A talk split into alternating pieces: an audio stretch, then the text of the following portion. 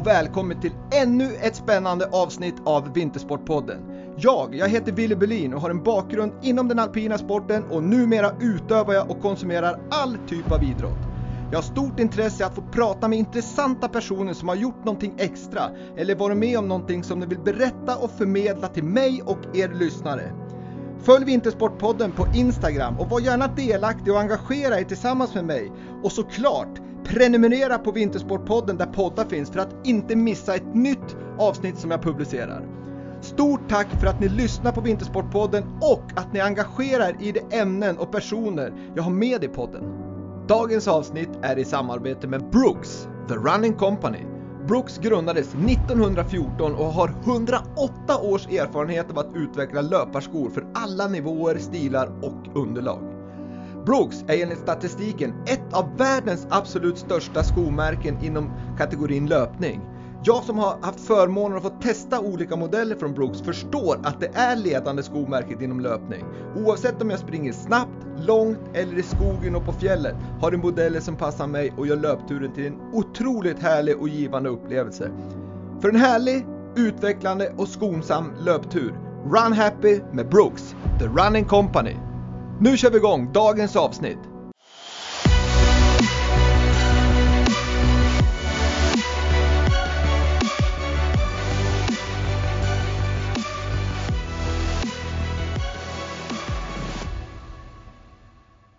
Dagens gäst i Vintersportpodden, mannen med det stora alpina hjärtat och som har tränat ett indiskt la landslag kan jag säga under 2022. Varmt välkommen till Vintersportpodden, Alexander Feinestam. Tackar så mycket.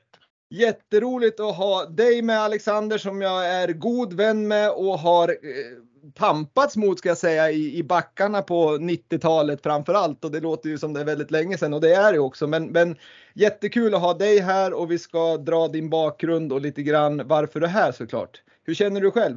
Ja, jag är jätteglad att jag får vara med i det här programmet och inte trodde jag väl att jag skulle hamna här så att eh, nej, men det känns spännande och se. Ja men absolut. Det, det, det har ju två, an, ja, men det har två anledningar egentligen att vara här. Dels har du varit en väldigt duktig skidåkare men sen så är det ju som så att den här podden, det här avsnittet ska till mångt och mycket handla just om, om den insats eller vad jag ska säga du har gjort under 2022 där du har tränat ett indiskt lag ska jag säga, alltså landslag i, i inledningen här men det är väl ett indiskt lag och, och prata lite grann om vad det har inneburit och framförallt vad, vad våra tankar är kring vad det skulle kunna innebära för sporten globalt, även om det är väldigt, väldigt tidigt skede som, som du är inne i. Men, men innan vi går in på det ämnet Alexander, så måste ju lyssnarna här få reda på lite grann. Vem är Alexander Feinestam? Eh, Alexander Feinestam, eh, född eh, 1974 nere i Örebro-trakten. Eh, började åka skidor på grund av eh, en viss Ingmar Stenmark. Eh, tyckte att det var jätteroligt. Och man tränade på hemma i Storstenshöjden eh, och eh, ja, början på 90-talet där började jag på uppe i Tärnaby på skidgymnasium där. Och gick i några år. Och eh, ja, eh, mitten på 90-talet där kom jag väl med i landslaget också. Och körde i B-landslaget var med där till och från under några år då som jag körde på och eh, ja, jag har eh, ja, nej, men det är väl eh, det är väl det då och. Men bara få säga, berätta liksom just att du gick på skidhemmet i Tärnaby och sen var du med i landslagsgrupper där under, under 90-talet. Men, men sen även gick du på skiduniversitetet i Östersund som som jag personligen tycker är väldigt bra alternativ just för att man ska kunna skapa sig någonting att stå på inför efter karriären, det vill säga att du kan studera samtidigt som du utövar elitidrott. Det, det var ju ganska många år du gick där uppe. Ja, eh, ja men det, det, är ju perfekt det. När man är, har gått ut eh, gymnasial utbildning och kunna bedriva elitidrott och samtidigt få sig en examen, eh, kunna plugga vidare då på universitetsnivå och så. Mm. Så att, eh, vilket jag gjorde och, och, och just det här att man kunde ja, det möjliggjorde att man, eh, man kunde verkligen elitsatsa och sen när man var klar då, ja men då hade man en utbildning också. Mm. Så att eh, istället för att, ja, nu har jag slutat och skidor, ja just det, nu ska jag börja plugga här. så jag tyckte att det var, nej, det var jättebra att kunna ha den möjligheten att få göra det. Ja men precis, och jag hade ju faktiskt förmånen att få, dels så åkte jag ju med det som jag sa på 90-talet, men sen var jag även din tränare där under ett par år på, på skiduniversitetet i Östersund. Och, och det kan man väl säga utan att slå sig själv för bröstet så, så verksamheten som bedrevs där var ju väldigt liksom nära eliten, som, som, så nära vi kunde komma i alla fall med de resurser vi hade så, så det var ju liksom, det var ju inte ett jättedåligt alternativ. Vi åkte mycket skidor, vi hade bra fysträning, vi hade förutsättningar uppe i Östersund som gjorde det möjligt för er att ändå prestera, för det gjorde ni. Ni, ni kom ju med i landslag och ni åkte Europacup och du åkte ju en del världscup där också. Ja, absolut. Och, och, det var ju både ja, men landslagsåkare och eh, åkare strax under, så det vart ju väldigt bra då på träningarna då att eh, ja, landslagsåkare var hemma och körde och de som var, då kunde man ju se, kunde träna ihop och ja, men steget var inte så långt. Så att eh, ja, nej, det var många bra år där. Ja men, ja men, absolut och bara för att liksom alla som lyssnar här ska förstå vilken du är så har du ju i min värld så har du ju ett väldigt stort alpint hjärta som jag sa, men sen är du ju en enorm tävlingsmänniska och det där märks ju oavsett om vi spelar fotboll, sprang eller om vi tävlar i slalom så, så var du ju gärna först i, i allt vi gjorde. Eh, hur, hur liksom, eh, du, du pluggade ju där och blev ekonom och sen har ju du valt en bana om man säger utanför till mångt och mycket den alpina sporten. Du, du har ju jobbat med andra saker så att säga. Men hur stort har ditt sug varit just med tanke på din, dina egenskaper, ditt stora hjärta för skidåkning och din tävlingsinriktning? Att, att komma in i, i alpina sporten och jobba som ledare eller på något annat sätt inom skidåkningen? Jo, men det, man stod väl i ett vägskäl där och eh, fick erbjudande att vara tränare och eller jag stod och funderade på om, om det var det jag skulle göra och så. Eh, sen fick jag ett annat jobb som, som jag hoppade på och då blev det en annan bana. Men sen har man ju alltid åkt skidor och ja, när man har varit ledig och så där så har jag alltid funnits där. Sen har jag ju gjort lite extra inhopp eh, till, eh, ja men hjälpt skidförbundet när de behövt eh, på någon Europaturné Eh, och så där då och varit med som ledare. Vilket, eh, ja men det är ju jätteroligt det. Sen är det väl det också att eh, ja, när man har familj och barn så, så vill man inte vara borta allt för mycket. Men någon, några veckor då och då eh, funkar ju. Ja, det, är, det är lite dilemmat som, som i alla fall alpin tränare och kanske även längdtränare att man, man får ju lite många dygn borta som du säger, speciellt när man har familj så, så kan det vara lite jobbigt att, att vara ifrån dem. Ja, och ja, så kände jag i alla fall och man vill gärna vara med när barnen växer upp och sådär. Mm. Och då är jag ju också tränare i klubben för, för barnen, framförallt för den äldste sonen då som jag har mm. följt. Mm. Den här Eh, började åka skidor i klubben här då. Så att, eh, ja, man ja, har ju kul. varit tränare ändå under fyra fem år nu då. Ja. Även om ja. det är på lite lägre nivå. Absolut, men, men det jag tycker är väldigt bra eh, oavsett om du nu, nu jobbar du på, på ett annat sätt, men, men att vara tränare, om du är på landslaget så är det alltid bra att ha tycker jag, en, en tränarbakgrund där man dels har du varit åkare själv, men att du har varit tränare på olika nivåer så man förstår vad det är att vara tränare i en förening för 10-åringar eller 12-åringar och man vet vad det innebär att vara tränare för juniorer och så sen seniorer. Det tror jag skapar en ganska bra bas att stå på. Ja, och sen är det ju så att eh, man har varit på en hög nivå, men sen att komma och träna 10, 11, 12-åringar. Ja, det, det, kräver sin. Eh, det, det, är inte riktigt samma saker, även om man kan liksom den här specialgrejerna för att kunna åka fort så blir det annat att lära ut till, till, eh, till barnen då. Men det har man ju fått lärt sig och, och tagit till sig och sådär. Så att, eh, Ja, Det, är härligt att, det är härligt att höra och det ska vi prata mer om misstänker jag nu när vi kommer in senare lite grann på, på Indien och de du har tränat där. Då misstänker jag att du fick gå tillbaks till ganska basic nivå. Eh. Ja, så, så var det ju. De skickade lite filmer innan och ja, så man var lite förberedd på vilken nivå de var och eh, ja, det, det, det, var kanske U12, i bästa fall U14 nivå på, mm. på åkarna där då. Eh, mediokra U14 skulle jag vilja säga. Den, den, den, nivån då.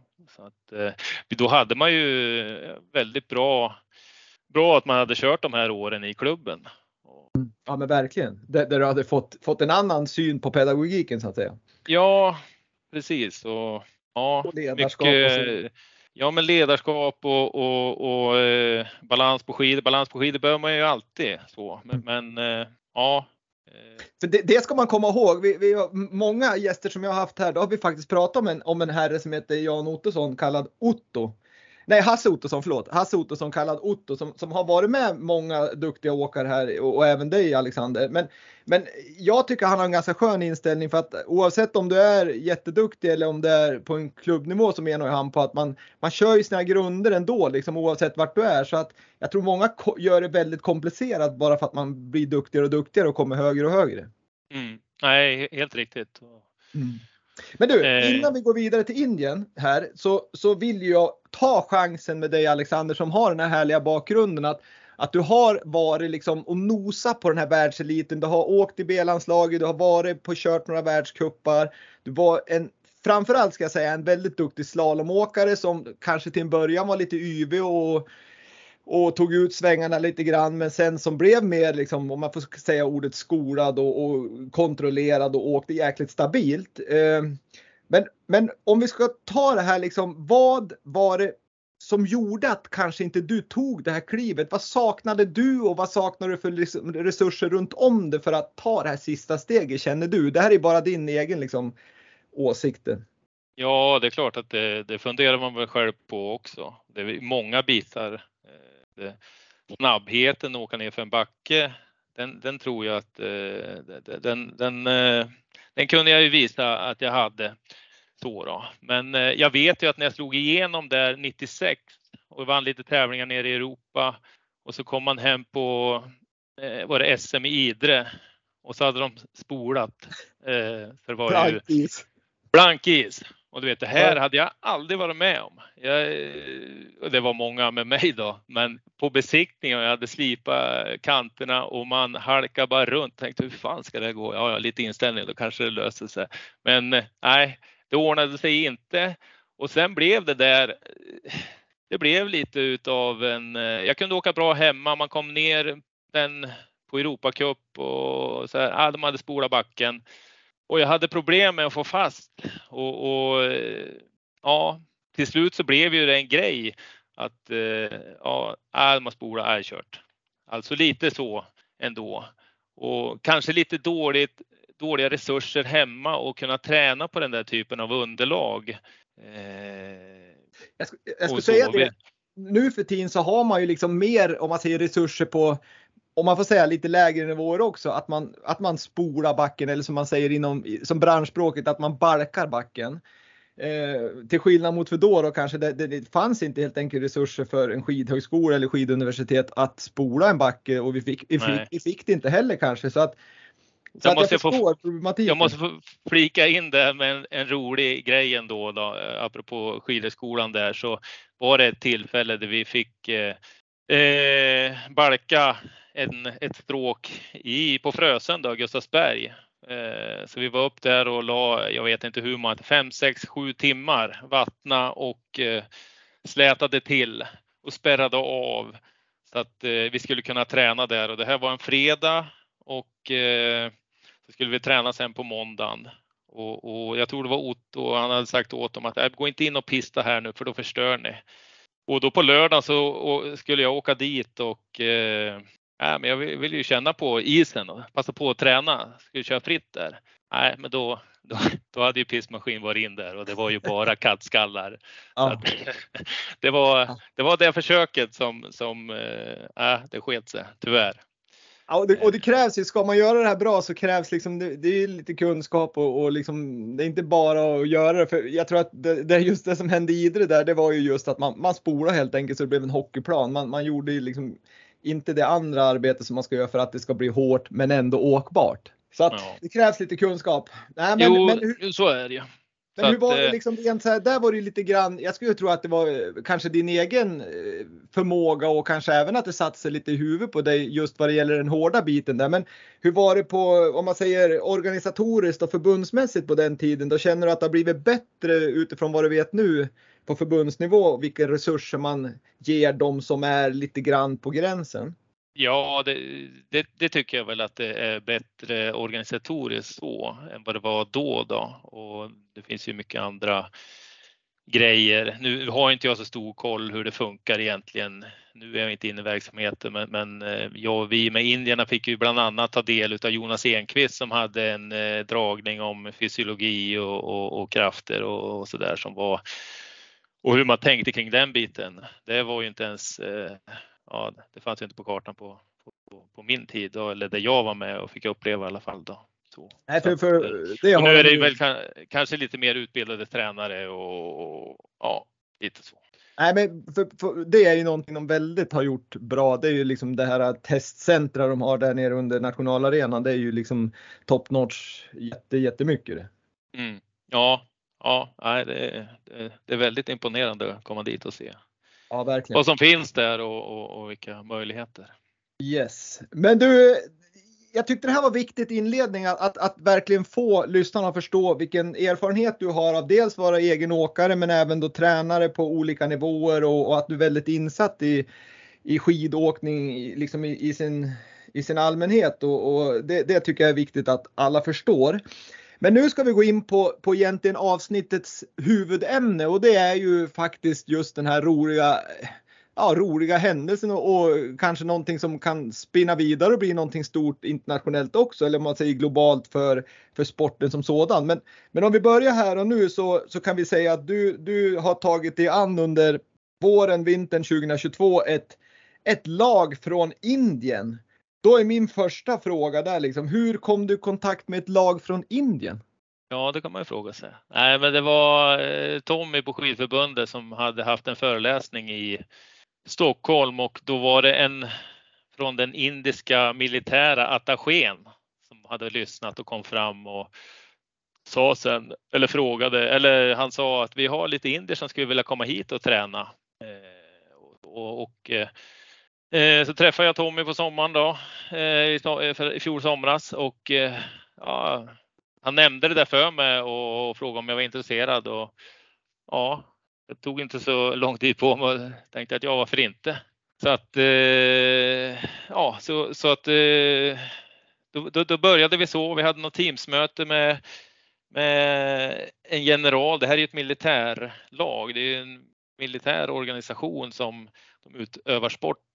Och då finns det ju alpint, längd, skidskytte och snowboard som de kör. Och eh, de ville ju skicka alla disciplinerna. Men, eh, och allt gick ju via Tommy och han var ju spindeln i nätet där och han hade fått tag i mig. Men eh, ja, svårt att hitta till de andra disciplinerna lite sådär. Och så det här blev ett litet eh, prova på eh, tåra så att vi drog igång det där då. Så vi hade lite teamsmöten, gjorde lite planering. De ville komma november till eh, sista januari. Tre månader ville de komma. Ja, men eh, det kan vi kanske kolla på då och vi gjorde schema och gjorde budget för allting och så där. Vi hade mer teamsmöte, allt såg bra ut. Det här var ju alltså i eh, slutet på augusti. Eh, kanske att vi hade något möte i september, men vi hörde ingenting eh, under hela oktober. Och så eh, tror det var 5 november så hör de av sig. Ja, men det här blir jättebra. Det. Vi, vi, vi kör på det där. Vi kommer 17 januari till 9 april. Jaha, det var ju kanske inte riktigt vad vad vi hade eh, kommit överens om så då. Men ja, jag hade startat eget och var lite eh, fri och, och jag startade bolaget tillsammans med en kollega och, och det gick bra för kollegan och så så att eh, eh, ja, vi körde på det. Ny budget, ny planering och allt så.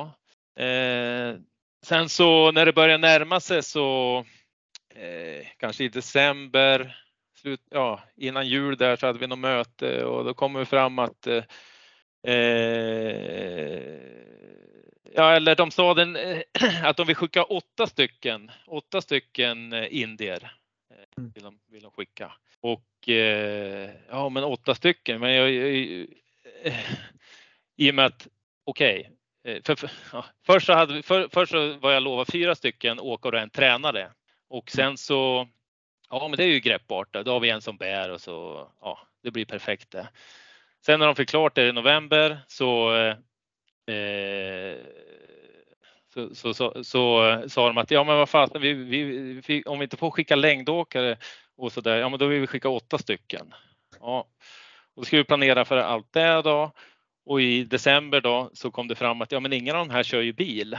Så att, eh, ja, och, och frakta runt på, på dem, ja då fick man göra lite justeringar igen då med boende och vart vi skulle vara. Eh, för då var vi tvungna att ha dem vid backen. Just det. Det är svårt att ha, jag är och det själv, var uppe i jag kör. Duved, eller? Ja, vi, vi, vi hamnade i slutändan i Duved. Vi hade gjort en plan på att de skulle vara i Almåsa, sen i Östersund under sportloven och sen i Duved då. Men sen när det, när, när det närmade sig där då veckan innan så ja, då skulle de ha något eh, covid-intyg som eh, ja, eh, Tommy fixade fram väldigt snabbt då, att det var okej för, för eh, Svenska skidförbundet att de kom trots corona. Ja, men eh, ja, och så, så höll det på så där. Då sa de ja, men nu tar det två, tre veckor innan vi får veta om vi kan åka ändå så här, för indiska regeringen då. Det var indiska regeringen som betalar den här Mm. satsningen då. Men, men, men, men det jag tänkte på just vad det gäller att det var ett militärlag, det vet ju jag också. Det hade vi ju här en gång i tiden när vi hade IDP, alltså idrottspluton. Men det finns fortfarande tror jag de här att man åker iväg på militär-VM och så vidare, vilket brukar vara rätt så bra tävlingar. För jag vet nere i Europa, bland annat kommer jag ihåg Alberto Tomba, Mikael von Grüning, gamla åkare som var med på 80-90-talet. De, de var ju också med på den där för att de är ju ofta anställda av någon form av eh, gränspolis eller militären där nere i Schweiz, Österrike och Italien och allt vad det är. Ja, ja, Men- ja visst. Ja, men, men jag tänkte just att det var ett, det är inget konstigt egentligen att det var ett militärlag, men finns det någon form av skidförbundslag? För jag menar, det måste ju också vara eh, intressant för ett skidförbund från Indien att, på något vis starta ett samarbete med Sverige. Mm, nej, det, ja, det finns ju ett skidförbund. Eh, det gör det ju då. Och det finns ju en åkare som har kört OS och VM. Eh, det var inte en av de åkarna som kom hit då. Men hur Så bra var det här ju, men- förhållandevis till den personen om jag säger så? Ja, enligt dem själva så åker de ju bättre än honom. Okej.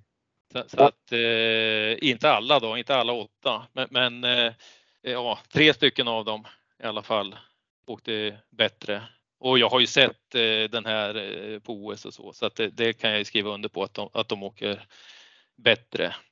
Ja, men i alla fall då, tillbaka till där jag var då, så eh, de sköt på det vecka för vecka hela tiden det där och det var covidintyg och det var eh, strul med visum och eh, så när de väl skulle åka, ja det startade i kriget i Ukraina där eh, 24-25 februari någonting. Så att eh, då vart de sittande, så de satt en månad i, i New Delhi och väntade på att få komma iväg. Oj. För, för sen kom de för 25 mars och för mig blev det det här att, eh, ja men lite som vargen kommer. Eh, de sa, ja men vi kommer nästa vecka. Ja men nästa vecka tror vi att vi kommer. Eh, så där. Och sen helt plötsligt så dyker de upp där 25 mars fick jag ju då veta några dagar innan men jag hade ju åkt iväg med äldste sonen på, på landsdelsfinal uppe i Boden. Så då fick de ju komma till Duved och så klara sig själv ett par dagar och sen så kom jag ner då. Och, och, eh, ja. Ja, men vil- vilken, vilken, vilken, eh, det var ju lite liksom, det var ju tur att, att du var flexibel om man säger så. Det var ju en speciell planering från augusti och så kom de där i, i eh, mars eller vad du sa. Ja, precis. Att det Ja. var, Jäkligt speciellt. Men- men, vad var målsättningen liksom när de, när de liksom, när ni drog igång det här då? Var, hade de någonting liksom speciellt i, i, i sikte eller var det liksom bara att är Sverige är duktig alpin nation och varför valde man, ja det var ju Tommy Eliasson, före detta alpinchefen som, som, som lockade dem med, med förmodligen ett bra föreläsning då. Men, men hur, hade de någon liksom tanke varför de just kom hit? ja, nej, varför hit? Det vet jag inte, men eh, satsningen som de vill göra, det är ju en satsning mot OS 2026 och så. Sen är det väl tillfälligheter och just att den här militära attachén som har kontakt då med, med, med dem och hörde den här föreläsningen så att därför blev det nog Sverige då. Eh, Så att, eh, Men du säger Ja. OS 2026. Eh, hur, hur liksom, eh, nu har ju du, vad jag har kunnat se i alla fall på, på sociala medier som du har lagt ut så tycker jag ju ändå liksom de har gått framåt väldigt, väldigt mycket liksom i, i sin teknikutveckling. Men, men hur tänker de framåt och är de liksom i kontakt med dig framåt också att du ska fortsätta köra träning med dem x antal månader per år? Ja, de vill komma tillbaka en månad eh, nästa år också. Mm. Och, eh, men det är ju det är som det. Det ska gå via indiska regeringen och så. Nu låter det som att de vill skicka fem stycken. Eh, ja, varför vet jag inte. Man pratar med dem och det är inte alltid så lätt att förstå vad de säger heller. Så att det pratar ju lite annorlunda så. Då. så att, eh, men, men eh, ja, de vill komma tillbaka och de ja, som sagt, de har ju planen där på OS 2026 så får vi se då. Nu måste man ju kvala för att, vi måste ju ha en viss nivå för att få åka OS. Annat mm. var det ju förr. Nu tror jag det var till det här OS att du ska ha under 160 punkter. Så att eh, ja, det, där är de ju inte än, om man säger så. Inte på de här tävlingarna som de kör då. Sen som jag sa så finns det ju en indier som, som han har ju kört OS och så där. Som jag, eh, men då har han gjort punkter i, i Dubai, någon inomhustävling och ja, lite sådär då. Så att, eh, här man nästan kan frågasätta lite, kanske. Ja. Men, men du säger att indiska regering finansierar vilket jag förstår i och med att det är ett militärlag. Det, det är ju ganska självklart. Men, men också sen så säger du att de, de, det, är en, det är en satsning mot 2026 och då får jag liksom så här då funderar i alla fall jag och jag tror några lyssnare funderar också att är liksom det här militärlaget, slår de skidförbundet på fingrarna? Det låter liksom som att det, det, är militären som gör satsningen mot OS och i ett normalt land så är det ju skidförbundet som gör satsningen mot OS. Sen är ju ett militärlag någonting som är på sidan om. Ja, som jag sa, alltså skidförbund och skidförbund det är väl kanske inte som i Sverige att du har anställda som jobbar. Jag tror att i, i Indiska skidförbundet så är det någon som gör det där vid sidan av och så. Mm. Eh, för vi hade ju lite kontakt med och det är ju en annan grej i det här att de kommer åtta stycken och de ville tävla så vi åkte på tävling till Funäsdalen och eh, kom vi dit och så ringer de från organisationen, Jörgen Nordlund by the way, mm. och, och, säger att eh, vi har ett problem det är bara fyra som får ställa upp. Ni har bara fyra startplatser. Jaha, ja ja. Eh, så, så, att eh, då fick fyra stycken köra föråk och så fick fyra tävla. Och då till kommande tävlingar så kunde man ju tydligen göra, för vi skulle upp till Tärnaby i slutet på april och då hade jag en diskussion med indiska eller via generalen som i sin tur skulle ta det med Indiska skidförbundet att kan ni kolla om man kan göra till Indiska mästerskapen för då får alla köra. Och nu när de ändå är här då så är det ju bra att de får köra alla race. Så, så, att de får någon form av ranking och så.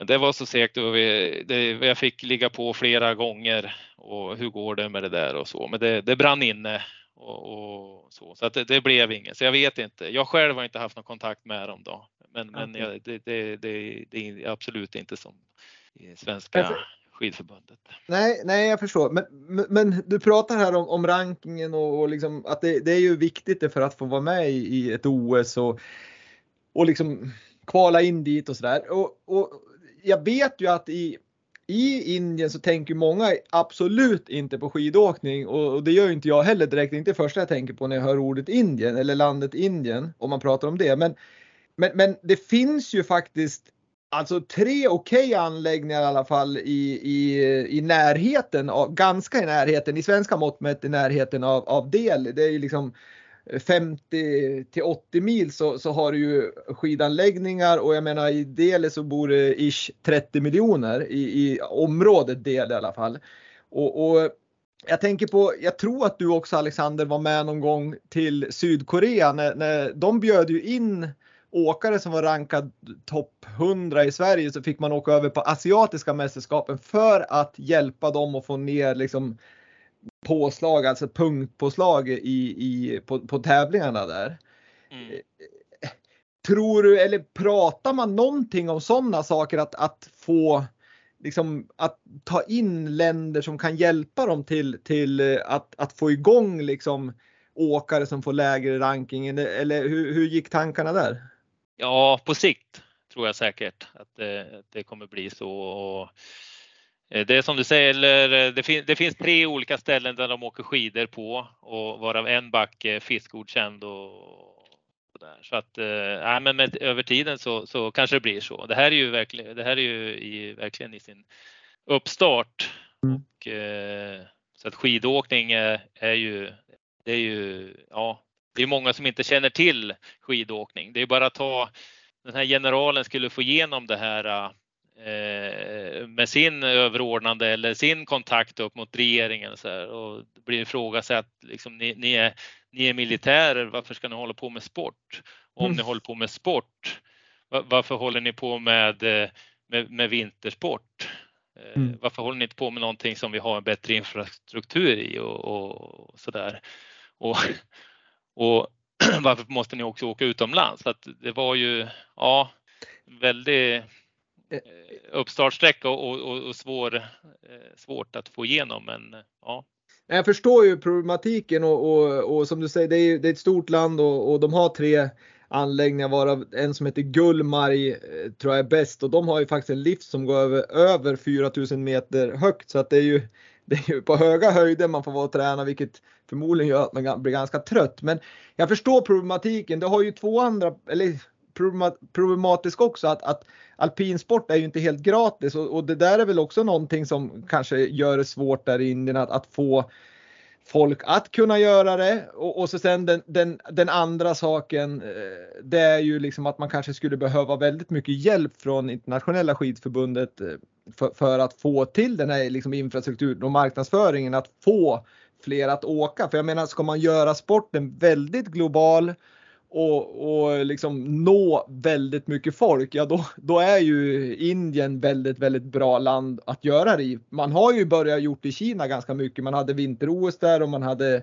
man har gjort ganska stora snösatsningar från, från skidför, eller internationella skidförbundets eh, håll.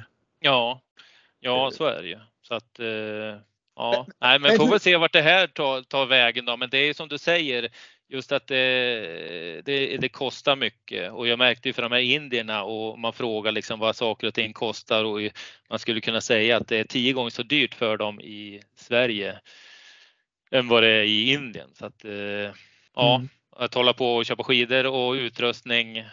Ja, så länge de inte hittar på något indiskt hemmasnickrat så, ja, så, så kommer det vara en dyr sport, en väldigt dyr sport. Det är dyrt för svenskar så att Ja. Det, ja, och jag tror dyrare för indier. Och då blir ju naturligtvis den här um, militärlagen en ganska viktig del att de kanske kan få eh, hela, hela paketet eh, vad ska jag säga, finansierat av, av staten. Ja. ja men, men hur bodde de här då? De här som var till dig nu och tränade, var de så att de bodde där vid, vid Himalaya, liksom vid, där vid bergskedjan så att de åkte skidor Eh, kontinuerligt eller bodde de inne i en storstad och åkte liksom skidor ibland bara? Nej, men de bor, eh, de bor just i Gullmark som du säger. Där är den där militäranläggningen då. Och eh, ja, så de körde sex dagar i veckan. Oj. Och eh, det som den roliga grejen, eller roligt, men det gick en lavin där. De får tydligen bara träna i en backe jag vet inte hur populärt det är i övriga, övriga de som inte är militärer, övriga befolkningen då, att de kom dit. Eh, det är många år sedan, det här har jag läst mig till lite.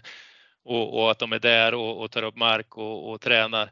Men så de fick i alla fall träna skidslalom i, eh, i en backe, i en lift, eller åka en lift. Och för tio år sedan så gick det en lavin där och så har man inte byggt upp den liften efter det. Så att när de här tränar sex dagar i veckan så går de upp eh, och sätter bana, går upp och eh, ja, idag måste vi ploga. Så då plogar vi. Så går upp. Så de kör mellan 8 och 1. De går hela tiden. Oh, så, så, att det, det, är ju ett jädra oh. slit och, och, man har ju sett backarna. De är, det är ju inte, det är inte jättemycket fallhöjd så där, men det är ändå hyfsad längd. Men de sa att på fem timmar hinner de 13 åk. 12-13 åk. Och, och, då ska vi veta att det är på den där höjden också. Ja, och, eh, och, och, och, det är också en grej i det här att de är lite feltränade. Eh, de är ju de är ganska små och, de har inte så mycket power. Så, så att, eh, och, det är väl, de tränar lite fel där. Det är väldigt mycket löpning, löpning i berg, vanlig löpning och, och så där. Så att Jag, jag, tänkte på, jag läste någon sån här resguide om, om, om, att åka till Indien och åka skidor. Då stod det just lite grann hur det säger att ta med er sån här skidalpinismutrustning för det är ju liksom, det är inte säkert liften går. Så att, så att, man verkligen var förberedd på det. Men, men det är intressant hur du säger, de kanske är grymma skidalpinism, alltså som skidalpinism, där man ja. går upp och så kör man ner. Jag menar det låter ju som att att de har de förutsättningarna. Men, men, om vi ska prata förutsättningar, du var själv inne på det här med, med fysen, att de kanske inte liksom, de har rätt fysisk förutsättning för att de kanske tränar fel. Men om vi börjar i en annan ände, hur, hur bedömer du materialmässigt då? För materialet är ju någonting som diskuteras inom alpint och, och, vi vet ju vi som har hållit på att det finns ju olika material som, som, som är olika bra om jag säger så. Då. Men, men hur, hur kom de när de kom hit? Vad hade de för grejer anser du? Det var, skidorna var okej. Okay. Pjäxorna var inte riktigt okej. Okay. Eh, och tydligen går det till så att eh, det är inte bara att fixa grejer åt dem. Jag har ju kontakter på Rossignol och sa att ja, men jag kan fixa ordentliga pjäxor åt Ni måste ha riktiga pjäxor. Eh, mm. Så, ja, nej, nej, men allting måste gå via upphandling. Ja, det var, staten det var i upphandling. Ja, så då får man liksom, ja, men skriv ner en specifikation. det här ska det vara då. Och så tar de in från olika märken. Eh, så att det blir någon form av anbuds. Då kanske det är klart i OS 2026. Ja, ja det vart ju inte klart nu då, för då åkte de ju runt i de där pjäxorna och ja, eh, det, det, är ju inte, det går väl att åka i dem så, men och mycket som de klagade på och det var ju första dagen de kom hit och vi körde fritt med dem och de klagade på att det var så hårt. Hårt tänkte jag, det var vanlig liksom vanligt underlag så där. Eh, så att eh, de är inte alls vana att åka på hårt underlag och hårt underlag, ja då, då behöver du bra pjäxor. Mm, att, ja. ja. Men, men, men om man tar fysiskt och det du säger, är det, är det ren okunskap eller blir det bara så tack vare de förutsättningar de har? Du berättade att de, de får gå upp och åka ner och gå upp och åka ner. Jag menar, då skulle ju även liksom de från Europa om man säger så som, som tävlar vara kanske lite felkonstruerade. Ja, eh, så är det väl och de har, de har ju en tränare där i, i eh, Gullmark på det där militär och, och, han har ju kört OS. Han körde 2014. Då körde han OS eh, och som är deras alpintränare då, men han körde OS i längdåkning och har den bakgrunden. Så att, eh, ja. ja, jag vet inte hur mycket han eh, kan då eller har läst på eller eh, ja, så att men alla där, för det finns ju, det är ju längdåkare, det är skidskyttar, eh, alpinister och snowboardåkare. Och som jag har förstått det så tränar de mer eller mindre allihopa tränar likadant. De springer, springer eh, hur mycket som helst och mycket mm. i bergen och så. Att eh, en av de här alpinisterna som, som jag hade då, ja men det, han var, det var bara någon enstaka längdåkare som sprang ifrån han i bergen. Ja, och då är det på hög höjd. Där, där, skulle ja. både du och jag ha svårt att hänga med för Einstam. Ja, inte du då. Men... nej, men, nej ja. men det är intressant att höra för det är ju, det är ju som de, det låter lite grann förutom liften där så, så låter det som att de har ju backarna, de har snön och, och, och så vidare och de verkar ju få träna liksom som du säger sex dagar i veckan. Så skulle man få till liften, då, då känns det som att förutsättningarna ändå finns på en okej okay nivå.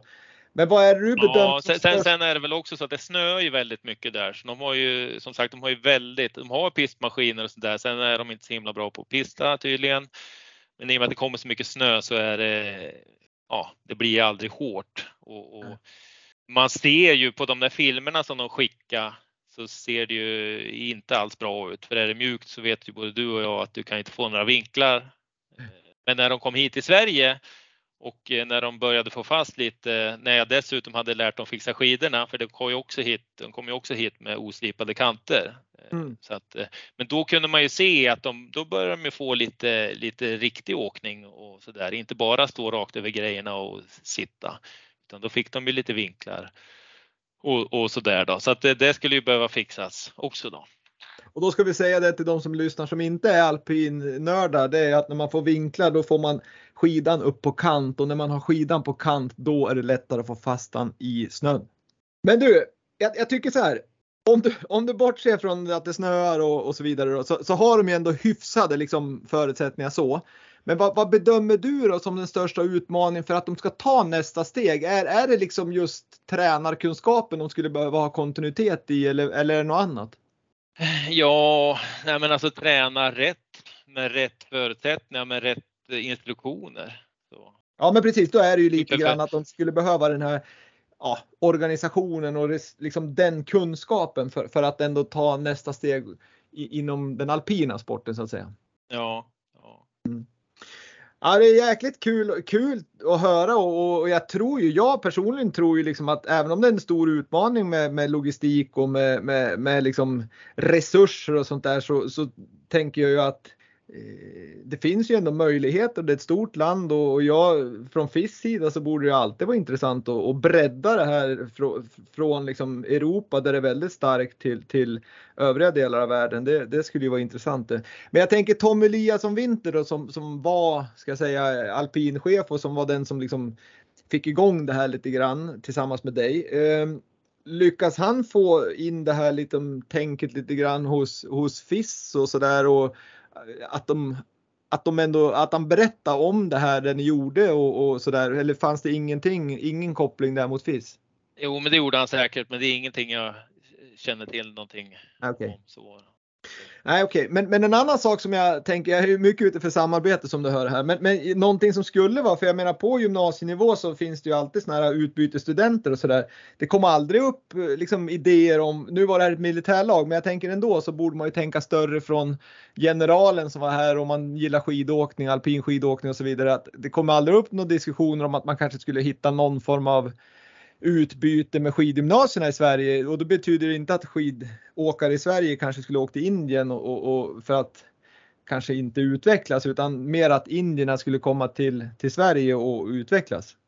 Jo, det, det skulle man kunna göra men, men, som de här som jag tränar nu, de börjar åka skidor när de är 17 år, när de börjar den här militärutbildningen. Då, så då börjar de åka skidor, så det är inte, ingen av de här har ju åkt skidor sedan barn. Så att eh, det är klart att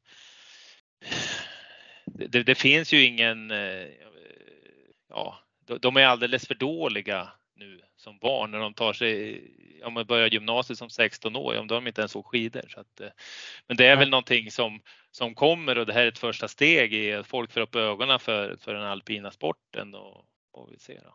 Jag tycker, det, jag tycker det är superintressant för jag tror ändå att tittar du på alpin så är ändå det ganska liksom globalt så där. Det finns ju, det är stort, eller stort, men det finns ganska bra i, i Nordamerika och det är Europa är det stort och, och så vidare. Och det, nu Kina har ju börjat på lite grann. Och, och, och, jag tror ju liksom att ska man få det att växa och intresset är ju alltid bäst om det är globalt så där. Tittar du på längden, där har man ju ett litet problem, tycker jag i alla fall. Det är ju att att det är ofta nordiska mästerskapen när det är världscup. För det är ju Sverige och Norge, framförallt Norge som, som ligger i topp där och det gör ju att, att det kanske inte finns det här liksom stora globala intresset som, som ändå ger förutsättningar. Så att det borde ju finnas, och som du säger då, att, att de tränar kanske mer längdinriktat så, så borde ju om inte annat det finnas stora möjligheter att kanske hitta en längdsatsning också som, som skulle kunna vara ganska viktig för den sporten. Mm, mm. Ja, nej det vill de ju också. De vill ju få hit längdåkare nästa år. Sen hur det blir med det, det, det, det vet inte jag någonting om. Då. Nej, men, nej. men, men eh, nej, så, så, är det väl att. Eh, men, men du, kommer du, du, du sa att du skulle fortsätta ett, nästa år också, men, men hur, hur går dina tankar om du bortser från liksom allting annat och skulle du liksom tänka dig ändå köra på till 2026 och liksom se vart det leder och, och få åka på OS med det här gänget? Ja, det, för mig blir det blir som en liten utmaning det här.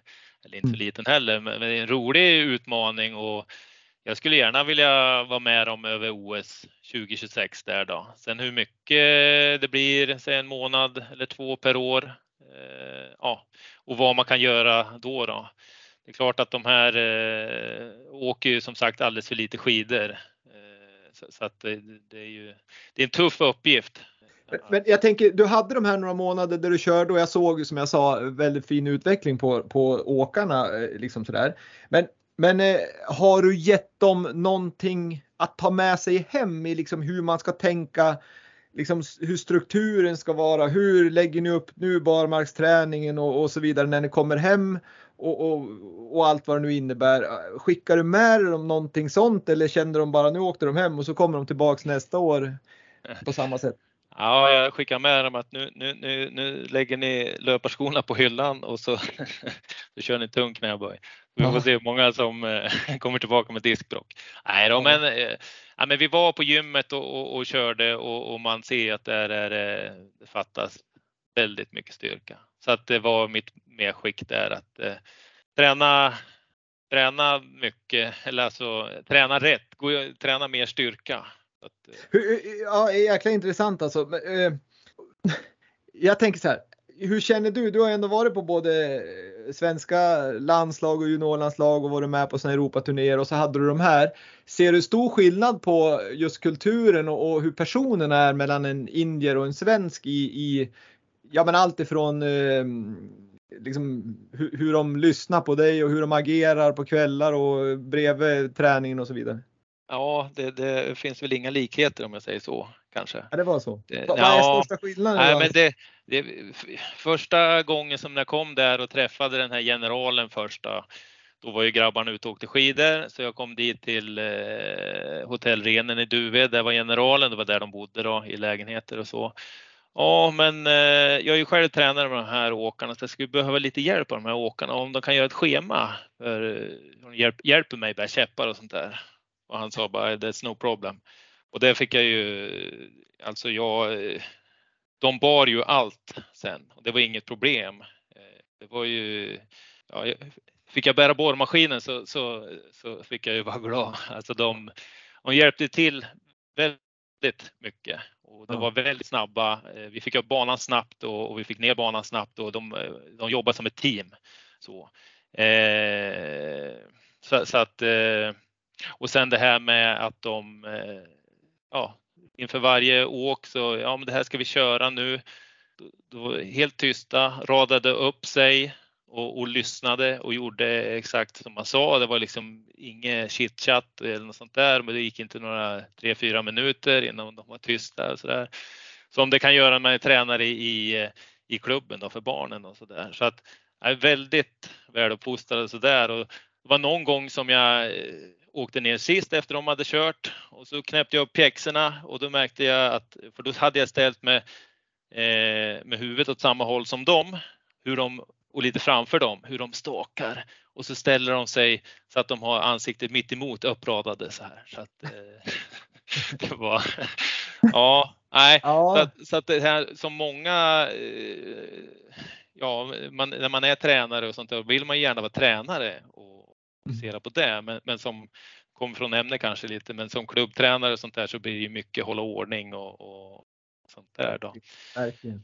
Eh, och det märks ju även kanske när barnen blir äldre här i Sverige också att det, det, det kanske det är inte samma disciplin och hjälpsamhet.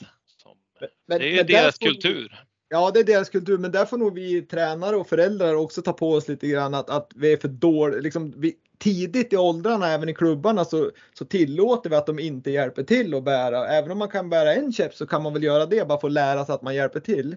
Men det, det, det, jag tycker att många gånger så blir det som, även på klubbnivå så ska det vara som ett landslag ut att åkarna sitter in och fikar till banan är klar. Mm, mm. Och det kanske Nej, det är bara att ta, det hörde jag att norska skidgymnasieeleverna de, de, de bär käpp och mm. så då.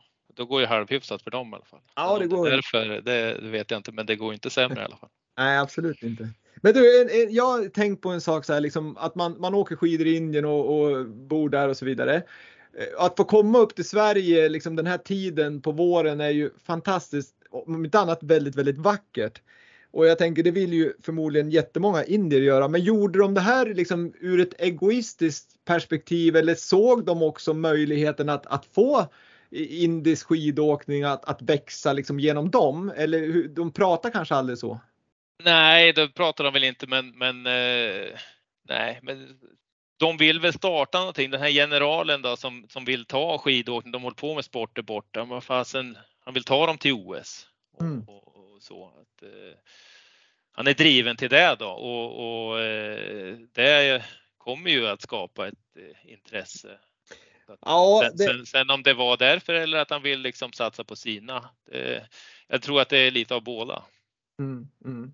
Men, men just det, ja, så är det ju såklart. Men, men jag, jag, tycker att det är en jättehärlig grej och jag hoppas verkligen att, att ni fortsätter det här och, och, och det ska vara kul att se vart det leder. Jag, jag, kommer följa det väldigt nära Alexander.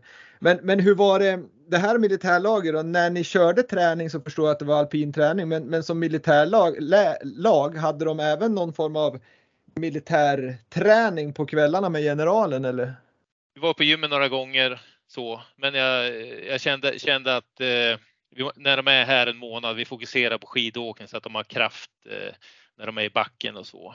För det var ju också en grej i det här att när de körde så matade vi på. Vi körde ganska mycket. Vi körde 5-6 timmar om dagen skidåkning och då eh, eh ja, tre, tre och en halv timme på förmiddagen och så en och en halv, två timmar på, på, på, på eftermiddagen då, lite friåkning och för, eh, bana på förmiddagen då, då vi hade tränings, träningstid. Mm. Eh, och, och, efter när man hade kört när de också frågade så här om de var trötta, så bara, nej, nej, det gick bra. Och så var det ju då någon träning så märkte, eller ja, det var ju början där att eh, ja, de började ju krascha, så det vart ju lite krascher. Ju någon som eh, gjorde illa knät och, och någon som eh, gjorde, gjorde illa huvudet så att eh, han fick en hjärnskakning och då, då, märkte jag att de här kommer aldrig säga att de är trötta. Så att, eh, då fick jag ju köra det sen att eh, ja, vi körde si och så länge och sen så tog vi en break. Så då tog vi break för det blir ju väldigt mycket att åka tre timmar i ett sträck då. Mm, mm. Man är så van att eh, de man tränar kanske åt andra hållet att nej, men kanske ta lite vila nu och så där. Men de här var, det var tvärtom då så att det, det, det var, det var, det skedde olyckor. Och det är ju också om jag får flika in där roligt att se dem in, in action när en kraschar och, och de som står där nere, de bara kastar stavar, skidor och så bara springer de upp till han som har ramlat, tar bort hans skidor, lyfter upp han på ryggen och så är han som, ja, och, och, och bär ner han. Ja. Ja, var. Här, härlig upplevelse. Ja, det, det är väldigt, väldigt häftigt men, att se hur de det måste ju vara, Ja, verkligen. Men det måste ju vara för dig Alexander en jättehärlig erfarenhet och minne för livet. Ja, ja det, det, det är det verkligen. Jag förstår det, jätteroligt verkligen. Och nu har vi ju babblat på här ett tag du och jag och, och jag, jag tycker att det har varit jätteintressant att höra just om det här. Dels om, om en indisk, om jag får säga satsning då, förhoppningsvis början på en stor satsning. Men, men, men även liksom höra lite att det är annorlunda. Det, det är liksom inte alla som som har eh, allting helt perfekt utan liften kanske inte funkar ibland, då får man gå upp och så vidare. Så att jag tycker att det finns att lära av alla, att man, att man kan eh, kämpa på och, och, och mm, hjälpa till och så vidare. Så att det tycker jag är ganska, det tycker jag är härligt att, att, att få höra från, från dig Alexander. Ja, det, det är verkligen en upplevelse och kul att få, få vara med och, och kanske starta igång någonting då. Ja, verkligen. Det där kommer vi läsa om i i, i, i historieböckerna framåt att Alexander Feinestam var den som gjorde alpina sporten tok global. Det blir, det blir härligt. ja, vem vet? ja. Men du, innan vi avslutar det här avsnittet så ska jag ställa en fråga till dig Alexander som jag ställer till alla gäster som är med i Vintersportpodden. Och den är ett kort svar som, som jag vill ha. Och den, den lyder så här. Kan du säga en framgångsfaktor för att lyckas med idrott? Ja, då säger man ha roligt. Men, men det, är ju, det, det, är ju viktigt att ha roligt. Men jag tror att kämpa i motgång, tror jag. Jag tror många, många är duktiga på att kämpa när det går bra. Och, och, och det var man ju själv också. Då är det ju roligt. Då kan man kämpa, kan man köra hur mycket som helst. Men just att kunna kämpa i motgång och inte ge sig. Ja, det är det lite som det är. För att dra igenom en hel karriär oavsett om du håller på med skidåkning eller jobbar eller vad det än är utan motgång. Det tror jag det är sällan det händer. Mm. Och det är då, då man stärks. Nu säger ja. vi många klyschor men så är det ju faktiskt. Att man kämpar man och, och man tar sig igenom en motgång så, så blir man ju oftast, utvecklas man. Ja, det är nog många framgångsrika som har den egenskapen. Ja, jag har ju pratat med några stycken i, i den här podden som har lyckats på, på det ena eller andra sättet och, och jag tycker det finns ju en liksom röd tråd i det och det är just det du säger att det finns ju liksom passion och kämpa, kämpa i motgång och så vidare. Det är ju liksom någonting som de flesta har det. Men du, jag, Wille Berlin, tackar dig Alexander Feinestam för att du var med och, och berättade dels om, om, din härliga skidbakgrund men även med den här härliga satsningen med indiska militärteamet. Det har jag verkligen tyckt varit kul och jag hoppas lyssnarna också uppskattar det och jag önskar dig all lycka i ditt liv och även hoppas att du får fortsätta köra med det här härliga teamet. Det hoppas jag också och jag får tacka för att jag fick vara med. Kanon! Ha det så jättebra! Detsamma! Vi hörs! Hej, hej, hej! hej.